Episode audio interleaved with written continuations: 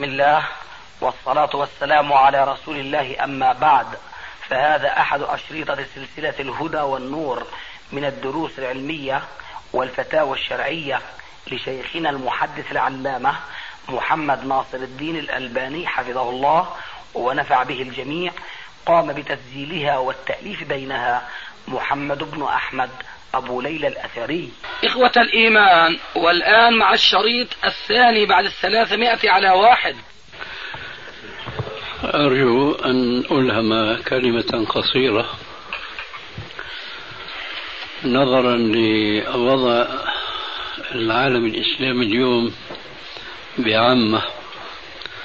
فأقول إن الحمد لله نحمده ونستعينه ونستغفره.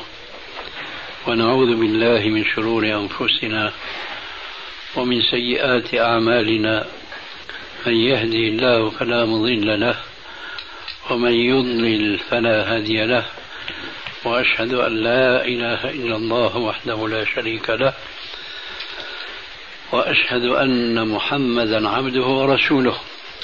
أما بعد فقد أصبح معروفا اليوم في العالم الإسلامي تلك اليقظة التي انتشر اسمها بالصحوة الصحوة الإسلامية. وأنا بلا شك أشارك هؤلاء الناس الذين يطلقون هذه التسمية على هذه اليقظة التي ظهرت في العالم الإسلامي بعامة من حيث الرجوع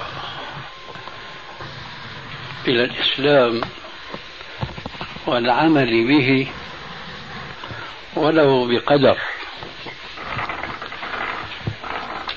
ولكن هذه الصحوة تختلف نوعيتها من ناس إلى آخرين.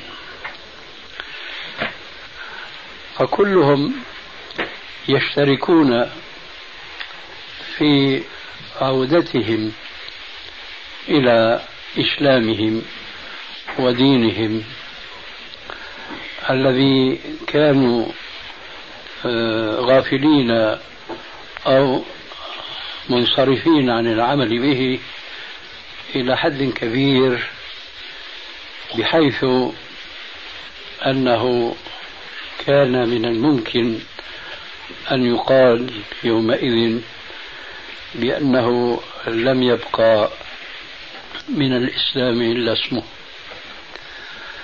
فالآن بلا شك اختلف الأمر عما كان عليه قبل ربع قرن من الزمان فقد أقبل الناس على دينهم ولكن مع اختلاف كبير كما أشرت بين بعض الناس وآخرين منهم.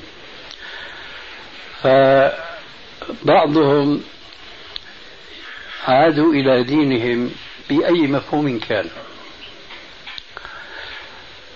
وقد يكون من تلك المفاهيم ما ليس من الدين وما لا صلة له بالإسلام مطلقا. لكن معروف لديهم أنه من الإسلام فينبغي الرجوع إليه.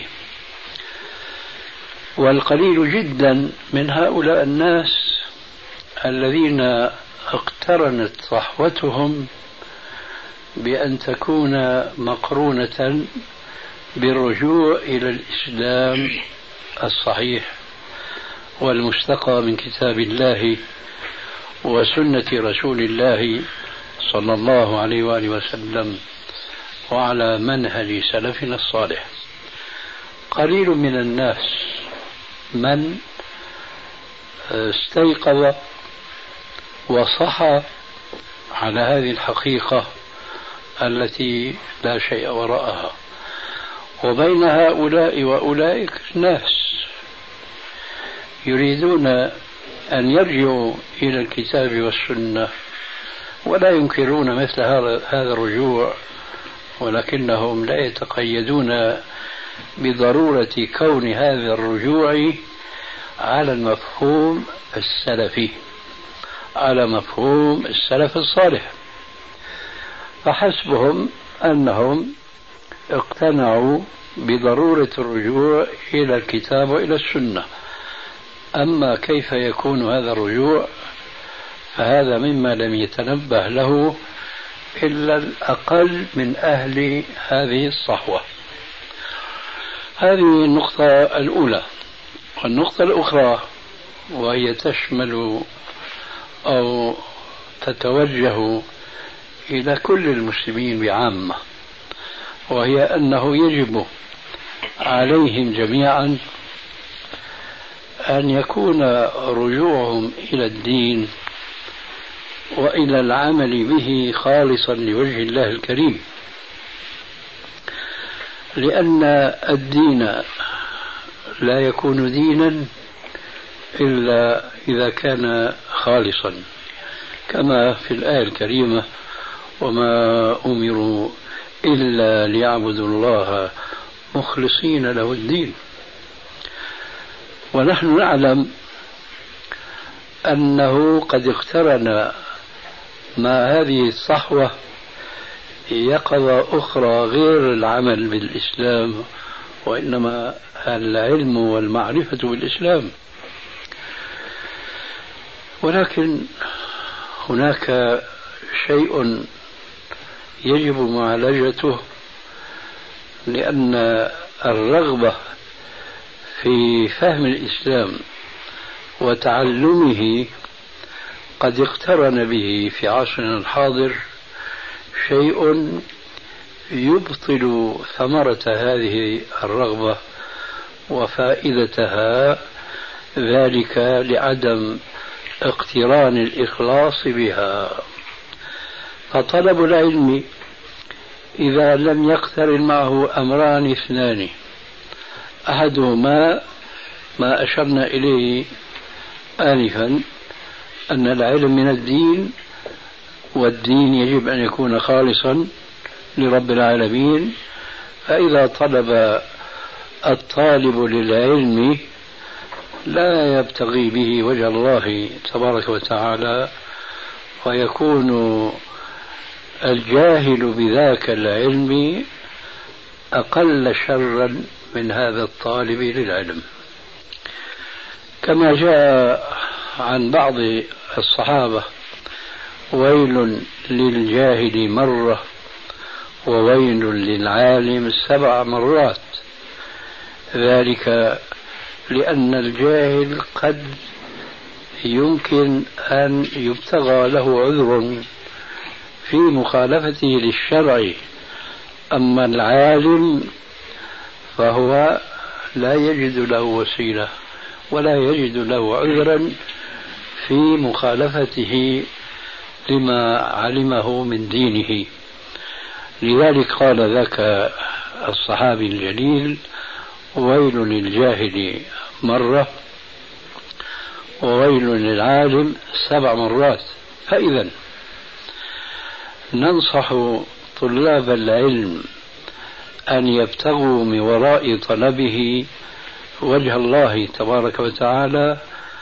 لا يبتغون من وراء ذلك جزاء ولا شكورا. لا يبتغون من وراء ذلك وظائف ولا معاشا ولا رواتب ولا أي شيء. وإلا فإن ابتغوا العلم من أجل شيء من حطام الدنيا كان كما أشرت آنفا وبالا على صاحبه. ولا شك أن من ما يدخل في طلب العلم لغير وجه الله أن يكون موظفا ولو أن يكون خطيبا ولو أن يكون إماما ولو ولو أي وظيفة من الوظائف الشرعية إذا طلب العلم لأجل هذا التوظف فيكون قد حبط عمله وخسر أجره عند الله تبارك وتعالى.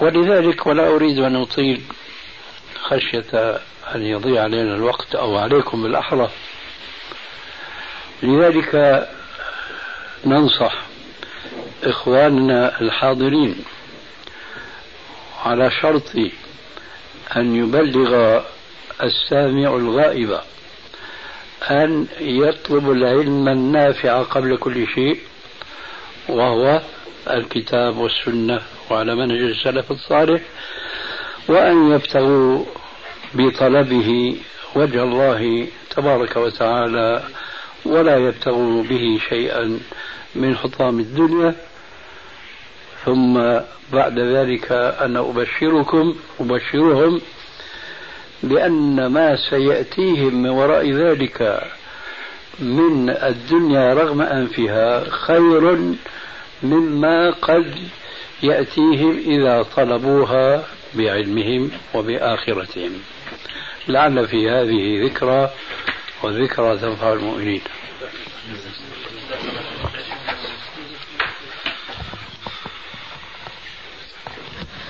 آه سليمان بيرفع إصبعه. يا شيخ إذا كان الإنسان يعني يطلب العلم قبل مثلا ما يصير إمام وقبل ما يصير خطيب ويبتغي بذلك العلم لوجه الله.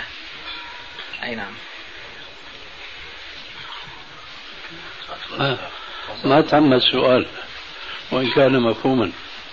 يعني إذا كان يطلب العلم قبل أن يصير إمام أو قبل أن يصير خطيب. أي نعم. فهذا الإنسان ينطبق عليه الكلام الذي تحت ما هو بارك الله فيك إنما الأعمال بالنيات سواء طلب العلم قبل ذلك أو في أثناء ذلك أو بعد ذلك. المهم أن يطلب العلم لوجه الله. يعني هو طلب العلم قبل أن يوظف ومات ولم يوظف هل معنى ذلك أنه كان لوجه الله؟ هل لمجرد أنه لم يوظف؟ معنى ذلك أنه كان طلبه للعلم لوجه الله؟ طبعا لا. فإذا ليس للمسألة لطلب العلم ليس لها علاقة بما قبل الوظيفة أو بعدها. وإنما علاقتها في أثناء طلب العلم. ماذا أراد بذلك؟ ماذا أراد بذلك؟ لأننا نحن قلنا كما قال ربنا عز وجل وما أمروا إلا ليعبدوا الله مخلصين له الدين وكما قلنا إن العلم من الدين ومن يرد الله به خيرا فقهه في الدين فإذا كان الأمر كذلك فليس فقط الوظيفة وطلبها بالعلم هي التي تخدج في نية هذا الطالب بل هناك أشياء وأشياء كثيرة. فهو مثلا يطلب العلم ليباري به العلماء. ذهب هباء منثورا. يطلب العلم ليتصدر المجالس. ذهب علمه السدى. يطلب العلم ليقال ما شاء الله فلان ما مثله عالم. ولهذا جاء ذاك الحديث الرهيب في صحيح مسلم أن أبا هريرة رضي الله عنه آه، كان في مجلس لمعاوية ابن أبي سفيان في عهد خلافته. فكان قد بلغ معاوية أو غيره حديث حدث به أبو هريرة مرة فطلبوا منه أن يلقيه على الحاضرين في مجلس معاوية. فاستجمع فكره ولبه وقلبه ليحدثهم بذاك الحديث الرهيب ولرهبته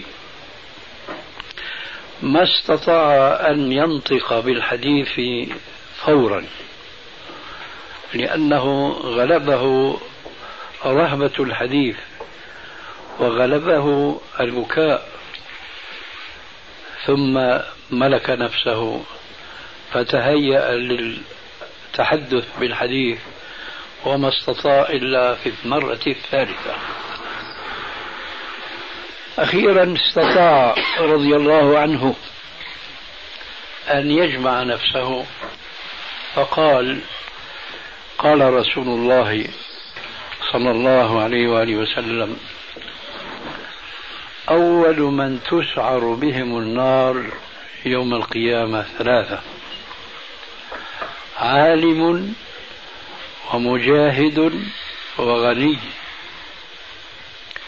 قال عليه السلام يؤتى بالعالم يوم القيامة. فيقال له ماذا عملت؟ بما علمت؟ فيقول يا ربي نشرته في سبيلك. هنا الشاهد. فيقال له كذبت. إنما علمت ليقول الناس فلان عالم. إذا هذا مش طالب وظيفة. فالقضية إذا مش محصورة بأنه طلب العلم ليكون إماما خطيبا مفتيا قاضيا إلى آخره. المهم أن يكون قاصدا به وجه الله تبارك وتعالى. وإلا فالصوارف عن الإخلاص في العبادة كثيرة وعديدة جدا جدا. ومن ذلك ما جاء ذكره في هذا الحديث. إنما علمت ليقول الناس فلان عالم. وقد قيل خذوا به إلى النار. والعياذ بالله. العالم الذي حقه كما قال الله عز وجل يرفع الله الذين آمنوا منكم والذين أوتوا العلم درجات. حقه أن يكون في الدرجات العاليات من الجنان ولكن هذا ألقي في النار. لماذا؟ لأنه ما أخلص لله عز وجل في تعلمه للعلم وتعليمه إياه للناس. أما لماذا ما هي الغاية الدنيوية؟ فهي كثيرة وكثيرة جدا. جاء ذكر إحداها في هذا الحديث. ربنا عز وجل يقول لهذا العالم يوم القيامة الذي ابتغيته من ورائك من وراء نشرك للعلم قد حصلته. أي قال الناس ما شاء الله فلان عالم ولذلك أحيانا أقول أحيانا وأرجو أن تتنبهوا. أحيانا يعجبني بعض الأحاديث الموضوعة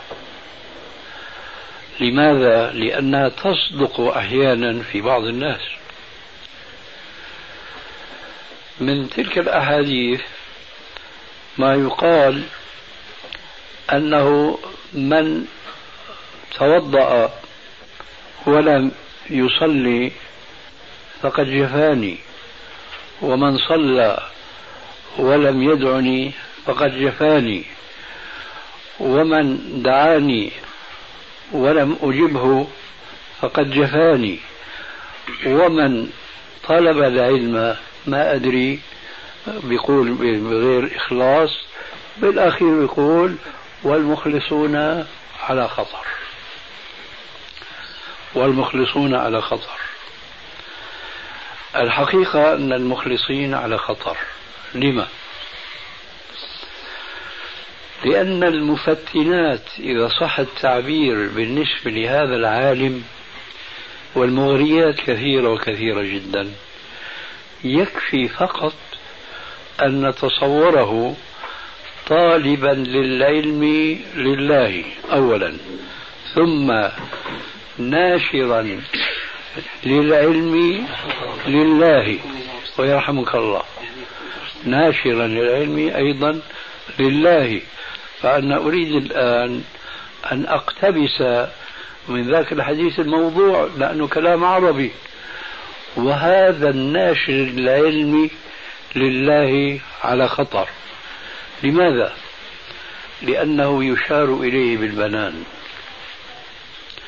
فإذا أشير إليه بالبنان هنا بقى الخوف أن تزل به القدم إلا من عصم الله وقليل ما هم ولذلك فمن الواجب المؤكد جدا جدا على كل مشتغل بطلب العلم ونشره أن يكون وضعه النفسي كما يقال في بعض البلاد السورية كالذي يمشي على بيض اللي بده يمشي على بيض شلون بده يمشي؟ كما يمشي الوجه لوحده آه. آه يعني يخشى أنه إيش؟ تزل به القدم فهو على خطر فعلا فما بالك من يبتدئ بطلب العلم ليس للعلم. ما بالك من ينشر العلم ليس وأسترجع كلمتي للعلم. وأضع بديلها لله. لأن العلم للعلم تعبير أجنبي. لأنه ليس عندهم شيء يبتغونه لوجه الله وإنما للعلم. فهذه زلة لسان نسحبها ونسترجعها ونقول بديلها لله فالذي يطلب العلم لله وينشره لله فهو على خطر لأنه سيشار إليه بالبنان. وقد جاء في بعض الأحاديث ما يشعر بهذه الخطورة. آه ما أدري الآن في أحد منكم يذكرنا بحديث فيه آه معنى الحديث إنه آه مغمور لا يشار إليه بالأصابع. تذكرون هيك حديث؟ حديث آه، إن الله يحب العبد الخفي. هذا صحيح لكن ما أظن هذا فيه يشار إليه بالبنان. الخفي التقي النقي. نعم. لكن في حديث آه، الحقيقة رهيب يشار إليه بالأصابع. فالشاهد أظن أنت أخذت جواب سؤالك. نعم. نعم آه. لكن في تتم سؤالي يعني. تفضل. إذا كان يعني هذا طلب العلم أو الوظيفة هذه تشده لطلب العلم أو سبب من أسباب شده لطلب العلم. كلمة تشد كلمة أخشى أن تكون ملغومة. وعلى كل حال فإنما الأعمال بالنيات. شيخنا عندنا كاسحات الغام. كيف؟ عندنا كاسحات الغام. صح النية المقصود آه هنا بحث سؤالك يذكرني به. طرقه الإمام الغزالي في كتابه الإحياء وهو في الحقيقة كتاب جيد من الناحية لمعالجة أمراض النفوس ولكن فيه شيء من الشطط فضلا عن التصوف فضلا عن الأشعرية. فتطرق لموضوع الإخلاص في العلم وفي غيره كالقيام في الليل مثلا والناس نيام ونحو ذلك. فكثيرا ما الإنسان المتعبد لله عز وجل بعلم تحيط به دوافع كثيرة.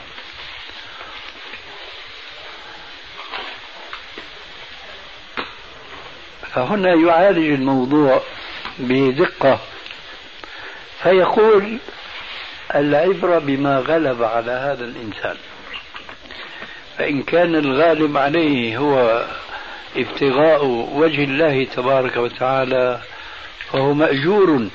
ولو أنه من زاوية أخرى قد يحلو له أن مثلا يراه الناس أو أن يتحدثوا عنه أو ما شابه ذلك. فالعبرة والحالة هذه إلى ما يغلب عليه في ذاته في قرارة نفسه. فإن غلب عليه آه، عبادة الله تبارك وتعالى فهو مخلص ولكن على قدر. وإن كان العكس فبالعكس تماما فليس مخلصا. ولذلك سؤالك ما نستطيع نحن أن نقول أنه من هذا النوع ولا من ذاك النوع لأنه حسابه عند الله الذي يعلم السر وأخفى فهو ربنا عز وجل الذي فقط آه، يعلم إن كان الذي شده إلى العلم بالمية مثلا خمسة وخمسين ستين هو المعاش أو الراتب أو الوظيفة أو نحو ذلك أو الطمع في فضل الله عز وجل وأجره وثوابه فعلى حسب ما استقر من الغالب في نيته فهو يؤجر على ذلك إما خيرا وإما شرا نعم هل يجوز ازدواج النية في هذا الباب؟ لا ازدواج النية نعم. بيخرب القضية لابد لابد ما يكون في غلبة يعني. غلبة شيء على شيء. أيوة. ومع ذلك يفهم من ذلك أن هناك ازدواج. إذا كان ثمة أمرين متلازمين غلب أحدهما على الآخر يفهم من ذلك أن هناك ازدواج ولكن شيء أكثر رجوحا من الآخر. هذا هو لكن أنا فهمت من سؤالك نعم. خلاف ما وضحته يعني تساوي. لا لا أعني في ذلك امتزاج مش ازدواج ها؟ امتزاج مش ازدواج آه. إذا إذا إذا معلش معلش إذا سؤالك بعد توضيحه مر معنا في الجواب؟ نعم. لكني لا أزال أنا أخشى أن يكون في سؤالك شيء. ما مر بنا الجواب؟ هل العلوم على إطلاقها. كيف؟ هل العلوم التي نتعلمها على اطلاقها لا هذا شيء آخر يا أستاذ. حتى أكمل. هل العلوم التي نتعلمها على إطلاقها لا يجوز للمرء أن يطلب آه، وظيفة أو أن يمتهن فيها آه، مهنة أو حرفة ثم آه، يطلب إليه أن يكون ملما وعلى وعي في هذه المهنة فيقتضي منه أيضا طلب طلب العلم وغير ذلك. ليست العلوم كلها. العلوم قسمان. علوم مادية مهنية صناعية محضة. هذه يطلبها الطالب لكي يعتاش بها. هذا لا يرد بحثنا السابق آه، فيها أبدا. مقيد في علم الشرع فقط. أيوة. طيب ليست كل العلوم في تصب في النهاية؟ معليش في النهاية. لكن القصد في في البداية. هل هو علم دنيوي أم أخروي؟ وهل للدنيا علم خاص فيها؟ طبعا. حتى الحرفة التي أتعلمها كحداد أو نجار أو أي نعم. ما شابه أي نعم. إذا لم أبتغي فيها مرضات الله فهي تعود على صاحبها بالوبال في لا لا. كل بارك ليسوا سواء. وأنا أجبت عن هذا. أي علم دنيوي فلا يشترط فيه أن يبتغي به وجه الله تبارك وتعالى. فإذا وعلى العكس من ذلك إذا ابتغى به وجه الدنيا حطام الدنيا مال الدنيا فلا شيء عليه. لكن أن يعني بهذا شيئا من أمور الآخرة هذا شيء آخر. يعني أن يبتغي مثلا بسعيه لتعلمه مهنة يعتاش بها ويكف يده عن الناس نعم. أو أن يعيل أهله زوجته أولاده إلى آخره فهو يثاب على هذه النية ولكنه إن طلب هذه المهنة ولم يخطر في باله ما سبق آنفا التأكيد عليه الإخلاص لوجه الله إذا كل عمل أفهمه كل عمل يجب أن يبتغى فيه مرضات الله سبحانه وتعالى. كل عمل.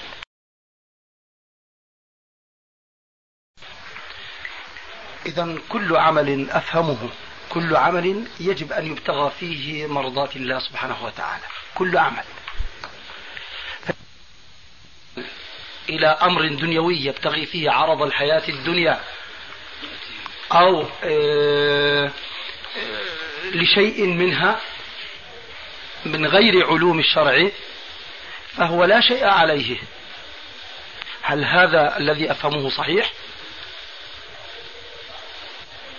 كأني أرى أن الكلام صار في تناقض. التبس عليه الفهم أو قل فهمي. معليش بارك الله فيك. وبك. أنت في ظني متفق معنا. أن واحد بده يتعلم مهنة نجارة مثلا جيد هل هذا علم شرعي؟ لا طيب هل يشترط فيه يبتغي بهذا التعلم وجه الله؟ ولم لا؟ ما جاوبتني يشترط يشترط لم لا؟ لم لا يشترط؟ لأنه ليس علما دينيا بارك الله فيك هو من العلوم التي يحتاجها المسلمون ولا غنى لهم عنها سبق الجواب عن هذا لما قلت لك إن نوى أن يخدم المسلمين كتبت له أجر النية الحسنة لكنه إن نوى أن يطلب به المال والدنيا فليس عليه وزر بخلاف الذي يطلب بعلم الأخروي الدنيا فعليه وزر كما سمعنا من الآية وكما سمعنا من الأحاديث وغير ذلك من الأحاديث التي اختصرنا الكلام عنها.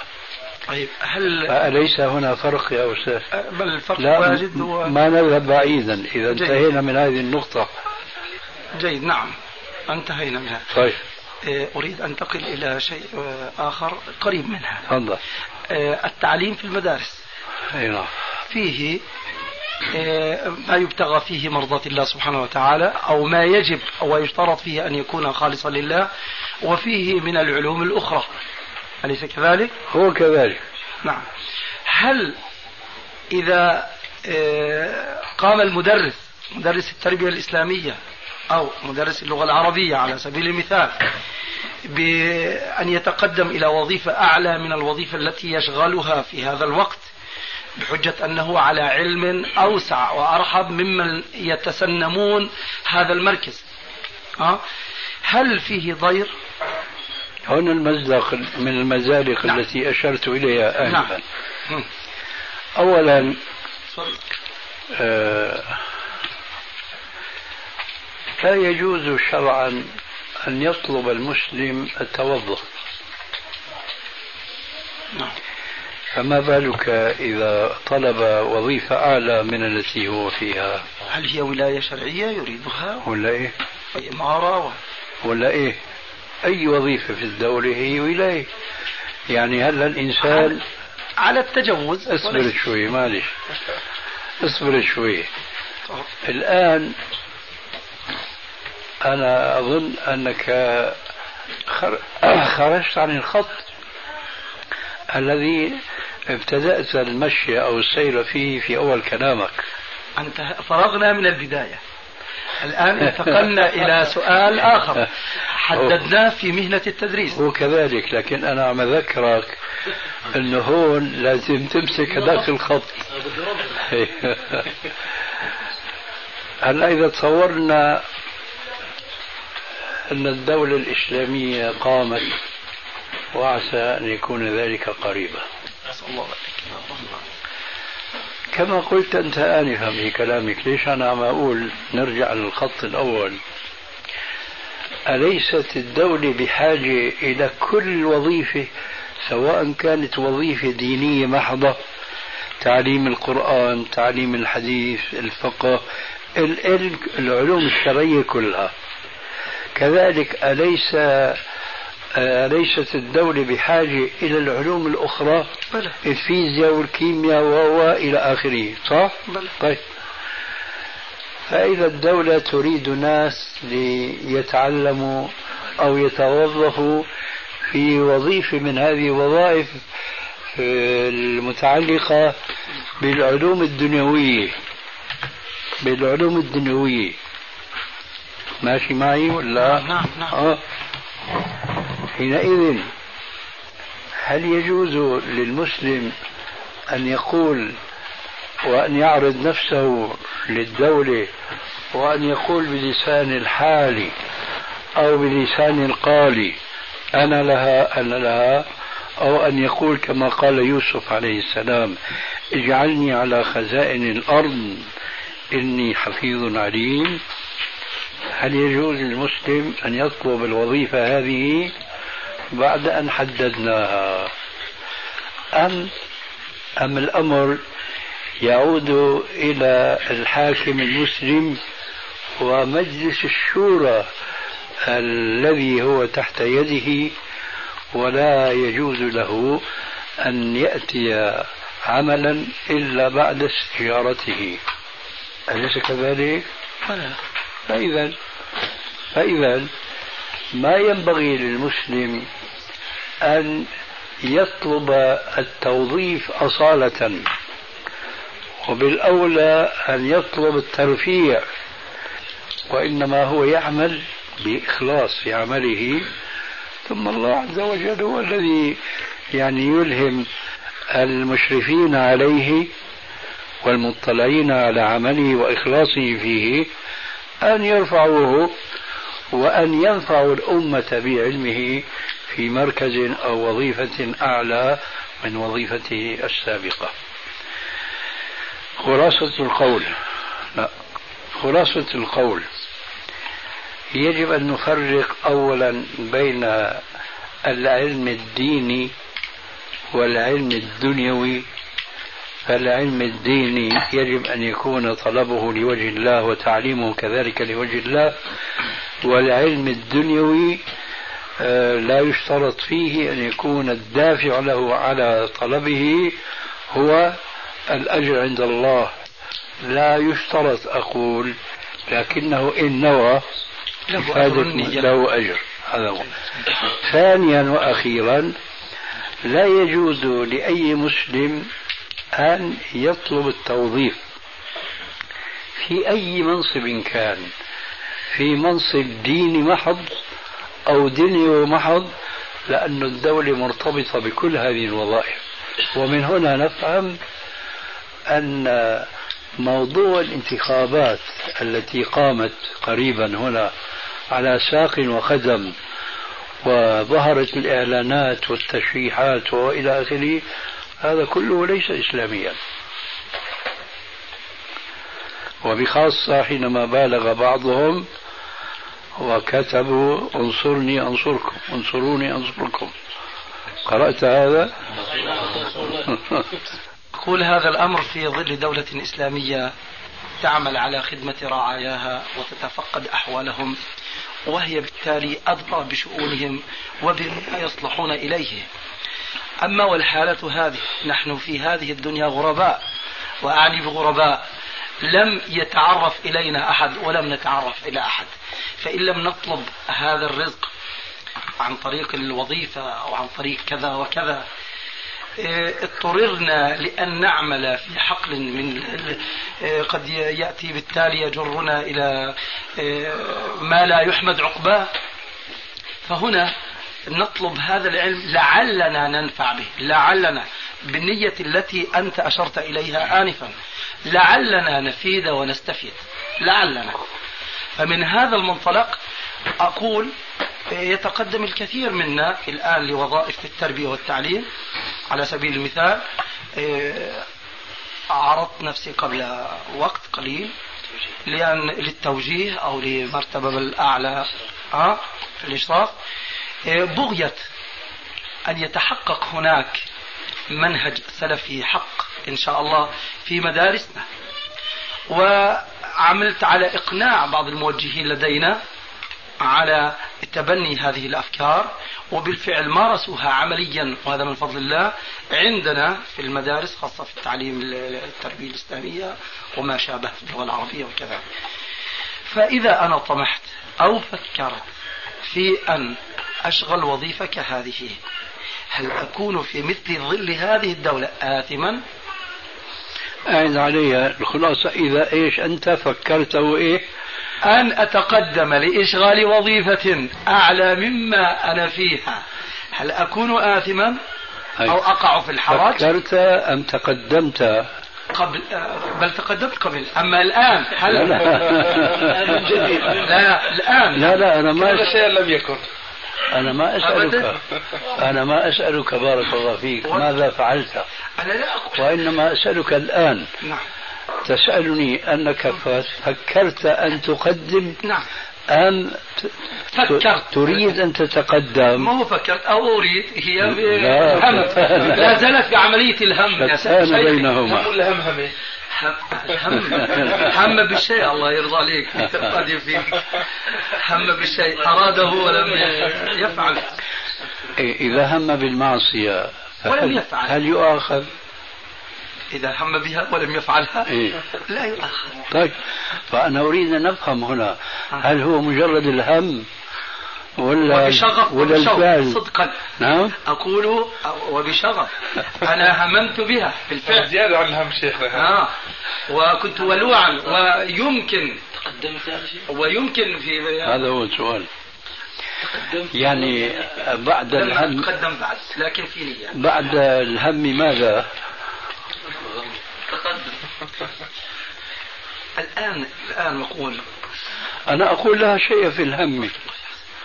لا شيء في الهم. لا شيء في الهم. لكن إن مثلا خرج إلى الحقيقة. لكن لكن ما بعد نعم. إن خرج إلى الحقيقة. هذا هو. أيوة. ولذلك أنا أردت لكن أنت ولا غيرك لأنه نعم. ليس الكلام هو يعني بخصوص شخص معين إنما كمبدأ. ها. أنت ولا غيرك إذا جيت قدمت طلب للمسؤول فوق منك بمرتبة أو مراتب أنه أنا أصلح لأكون كذا مثلا. هذا اسمه مش هممت. فعلت. طيب. فإذا حممت وما فعلت فلا شيء في ذلك. جيد. مهما كان النوع المخالفة أما إذا فعلت فهنا يأتي البحث السابق. ولذلك فأنا أريد أن أعود إلى القيد الذي وضعته أنت آنفا أن هذا الكلام مسلم به حينما تقوم الدولة الإسلامية. طيب. لكن أنا الذي أريد أن نفكر فيه جميعا هل الدولة الإسلامية تقوم على آه، تعود كل فرد من أفراد هالأمة هل هي على أكتافها المفروض أن تقوم الدولة المسلمة. أن يتهاون كل فرد بحكم شرعي بدعوى أنه الآن الوضع غير لما بده يكون الحكم للإسلام. هل يقوم تقوم قائمة الإسلام على هذا الأساس من التهاون بالأحكام الشرعية بدعوى أنه ما في حكم إسلامي أما العكس بالعكس. جزاك الله عنا خير وإياك. نعم. الذي ط- أصبح في الوظيفة ماذا يفعل؟ أصبح؟ يعني هو موظف. يعني هو الآن موظف. نعم. أه. الأمر سهل أن يتوب إلى الله عز وجل ولا يجدد الخطأ كيف يجدد الخطأ؟ يعني ألا يستمر في الخطأ يعني؟ لا لا يجدد الخطأ مثل ما حكينا مع الأستاذ طلعت آنفا يعني مثلا هذا بذكرني أنا عنا في الشام تيجي مناسبات الدولة مثلا تعلن أنه رفعوا رواتب آه، طائفة من الموظفين. ويمضي على ذلك الشهر والشهرين والثلاثة إلى آخره. يطلعوا علينا أرباب الشعائر الدينية كما يقولون اليوم مع الأسف بتظاهرة في الشوارع والطرقات. شو المقصود بهذه التظاهرات انه لازم يرفعوا رواتبنا ومعاشاتنا. اسوى بغيرنا من الايش الموظفين. الموظف بالفيزياء والكيمياء له أن يفعل هذا. أما الموظف في الإمامة والخطابة والتأذين والى آخره ليس له أن يفعل هذا. هذا الذي أعنيه أنه يقنع بما وقع منه ويتوب إلى الله وما يجدد بقى الخطأ. واضح؟ نعم. هذا مسألة أستاذ خطيب إمام. أهلا وسهلا. الذي حصل أو سعى للحصول على منحة دراسية من قبل الحكومة وألزم بوظيفة معينة. ألزم بوظيفة. نعم. هل يأخذ نفس الحكم فيما لو سعى إلى تحسين وضع الوظيفة بعد أن يوظف؟ سبقك بها عكاشة. اللهم اجعل لي يعني سعى إلى منحة وألزم بالوظيفة. يا أستاذ السعي إلى المنحة هو من هذا الباب. السعي إلى المنحة في حال يعني عدم توفر الفرص الدراسية أو عدم توفر الإمكانيات المادية وحصل على منحة دراسية من قبل وزارة الأوقاف أو من قبل وزارة التربية وألزم بوظيفة. وخلال الوظيفة سعى أيضا لتحصيل أو لتحسين وضع الوظيفة. سبقك بها عكاشة الجواب هو هو وهذا عكاشي ثاني هنا. بارك الله فيك. أظن واضح يعني الجواب. الله يجزيك الخير. الله. يحفظك يقال شيخنا في هذا انه الإنسان يسعى لتحسين نيته واستصلاح يعني قلبه في هذا يفعل, يفعل متى؟ يعني إذا صار متلبسا بهذا الأمر الذي هو فيه. هذا معنى كلامنا لا, لا يعود نعم. إلى مثلها. أي نعم. أي نعم. هيا. آه. كأني آه إذا خلي الزور لجارك لأنه كأنه في عنده أنا كلام. عندي أنا عندي سؤال الحقيقة له منحى آخر عن الحديث بس إذا كان ممكن قبل ذلك تتكلم بخصوص الموضوع. إيه أحسنت. تفضل يا أستاذ. لا أنا بدي أتكلم أنت بخصوص؟ طيب. اسمح لي الأخ. وبعدين يعني أنت ما هد يعني شكرت السؤال الثاني. فيعني الآن كما فهمنا أنه طلب الوظيفة من الحكومة لا يجوز. فحبذا الدليل يعني هل تحمل أدلة مثلا قوله صلى الله عليه وسلم لا نولي أمرنا كذا فهل هذا وهذا سبق السؤال. هل هذا النص نستطيع أن نحمله على بقية على الأمر هذا يعني؟ هو كذلك بارك الله فيك لأنه قلت أنا آنفا طيب. أن الدولة تتطلب أنواع من الوظائف. طيب عفوا. إذا كانت الدولة تجهل هذه القدرات يعني مثلا هي ما عليها اطلاع من القدرات الموجودة في كل حي في كل جبل في كل مدينة. نعم. ف... و... فهل يمنع من ه... في هذه الحالة أنه الأخ اللي عنده إمكانية يعرف عن نفسه أنه أنا عندي هذه الإمكانية؟ فإن كان أيها الحاكم أو أيها الأمير آه، ب... تحتاجون إلى هذه القدرات فالأمر موجود. فتعريفه بهذا الشكل هل له نفس حكم ال... بس أرجوك أن تكون معنا واقعيا ما تكون نظريا. لأني أنا سأجيبك الآن آه، في حدود سؤالك المحدود بأنه يجوز. لكن هل القضية تقف عند هذا الحد؟ طيب سؤال آخر قصة يوسف. أنا أتيت آنفا بقصة يوسف. لكن هل انتهينا الآن؟ أنه أنا أعطيتك الجواب يجوز بأنه يجوز. لكن هل يقف الأمر عند هذا الحد؟ يعني أنت بدك تعالج الواقع الآن.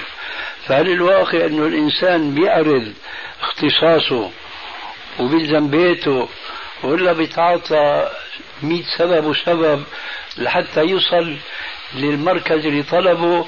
ولو هو يعلم أن هناك من هو أحق به منه. ما هو الواقع؟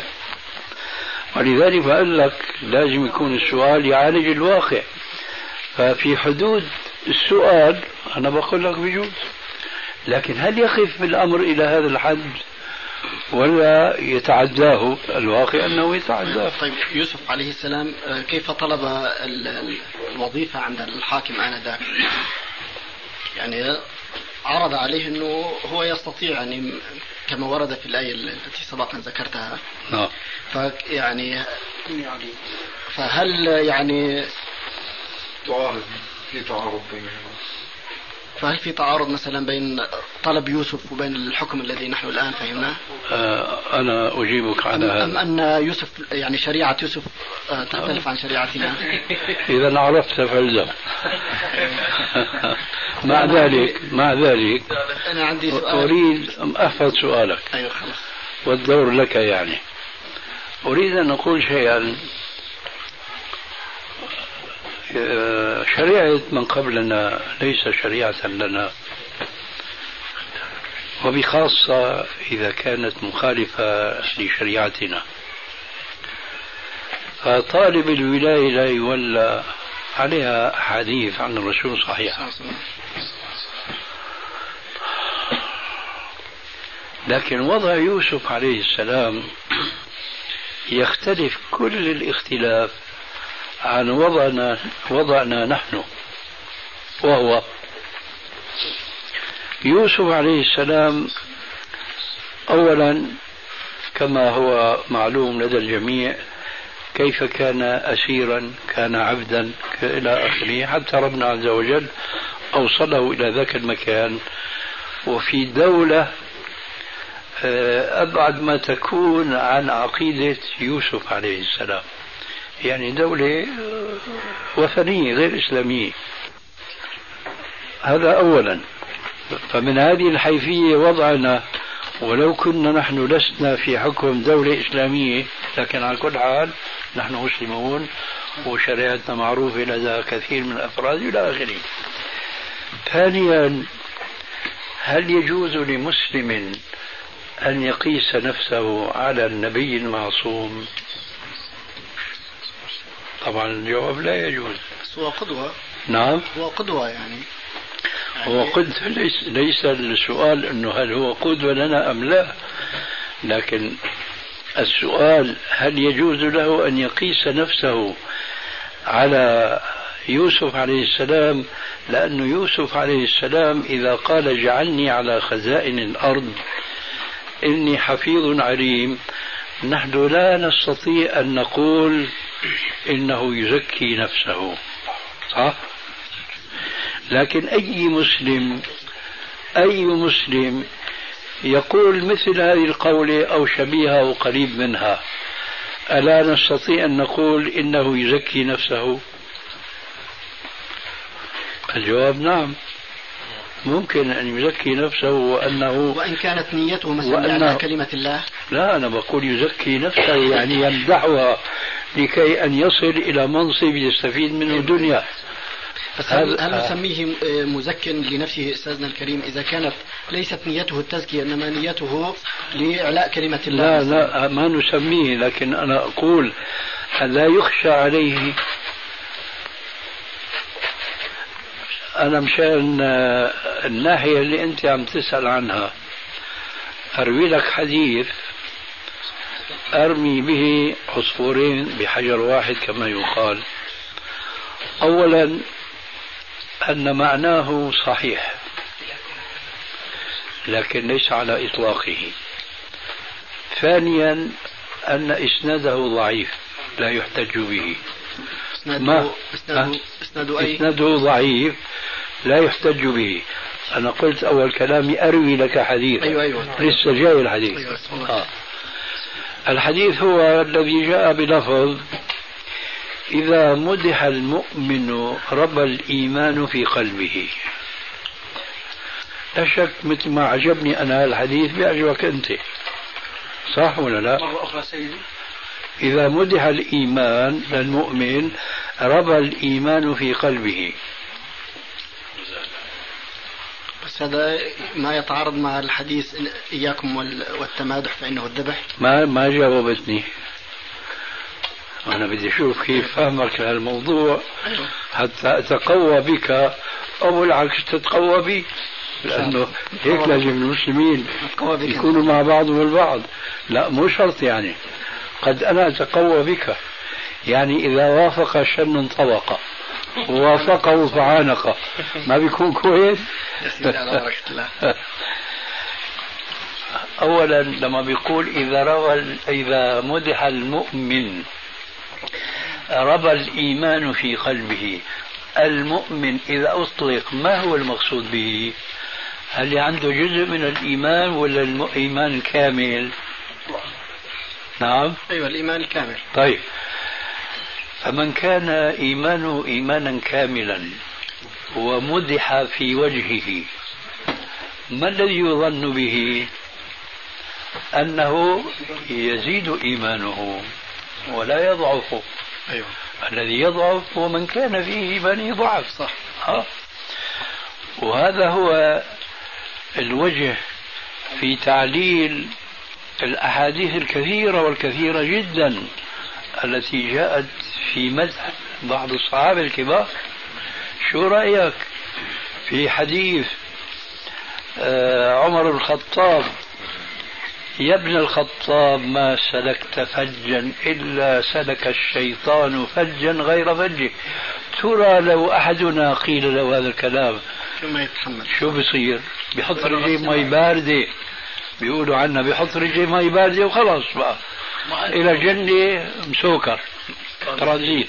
يعني لذلك النبي في الجنة وأبو بكر في الجنة وعمر في الجنة حتى إيش؟ أتم بقية العشرة المبشرين بالجنة. هذا مدح ما بعده مدح. لكن الرسول عليه السلام هنا بقى سأقول لك ولا تقول لي كما قلت. سأقول لك كما قلت وسوف لا تقول لي كما قلت آنفا. بالنسبة ليوسف عليه السلام. أنا قلت أنه نحن نستطيع أنه ما نتأثر بمثل هذه التزكية لأنفسنا. كان جوابك أنه هو قدوة لنا. يكون قدوة لنا شيء وكون نحن ممكن أن نتأثر بينما هو لا يتأثر. كذلك هنا أقول الرسول صلى الله عليه وسلم مدح هؤلاء الصحابة العشرة وغيرهم. العشر وغيرهم نعم. جاء في الحديث الصحيح عن أحد الصحابة نسيت اسمه الآن هو قال حسب مبلغه من العلم. قال ما سمعت رسول الله صلى الله عليه وسلم يشهد لأحد ممن يمشي على وجه الأرض بالجنة إلا ما أدري الآن عبد الله بن سلام أو سلمان الفارسي. في منكم من يذكر أحد الرجلين يمشي على وجه الأرض شهد له بالجنة. إما قال سلمان أو عبد الله الفارسي. في رجل الشك من عندي أيوه، في رجل الذي سأل الرسول صلى الله عليه وسلم عن الصلوات أنه إذا صليت الصلوات الخمس كذا وكذا. نعم. فعندما آه، سار قال هذا يعني إن صدق أو انظروا إلى رجل كأنه يمشي إيه بس هذا ليس كذاك بارك الله فيك. كأنه هذا هذا معلق يمشي على الأرض من أهل الجنة. لا لا. ليس عليكم رجل. إيه هذا مشروط بشرط أنه صدق إن دخل الجنة. أفلح الرجل إن إن صدق صدق دخل الجنة. في روايتين. رجل آه، قال يدخل عليكم الآن ابن عمر. نعم عن ابن عمر. آه. ولحيته تقطر ماء. تمام. فالأحاديث كثيرة في هذا الصلح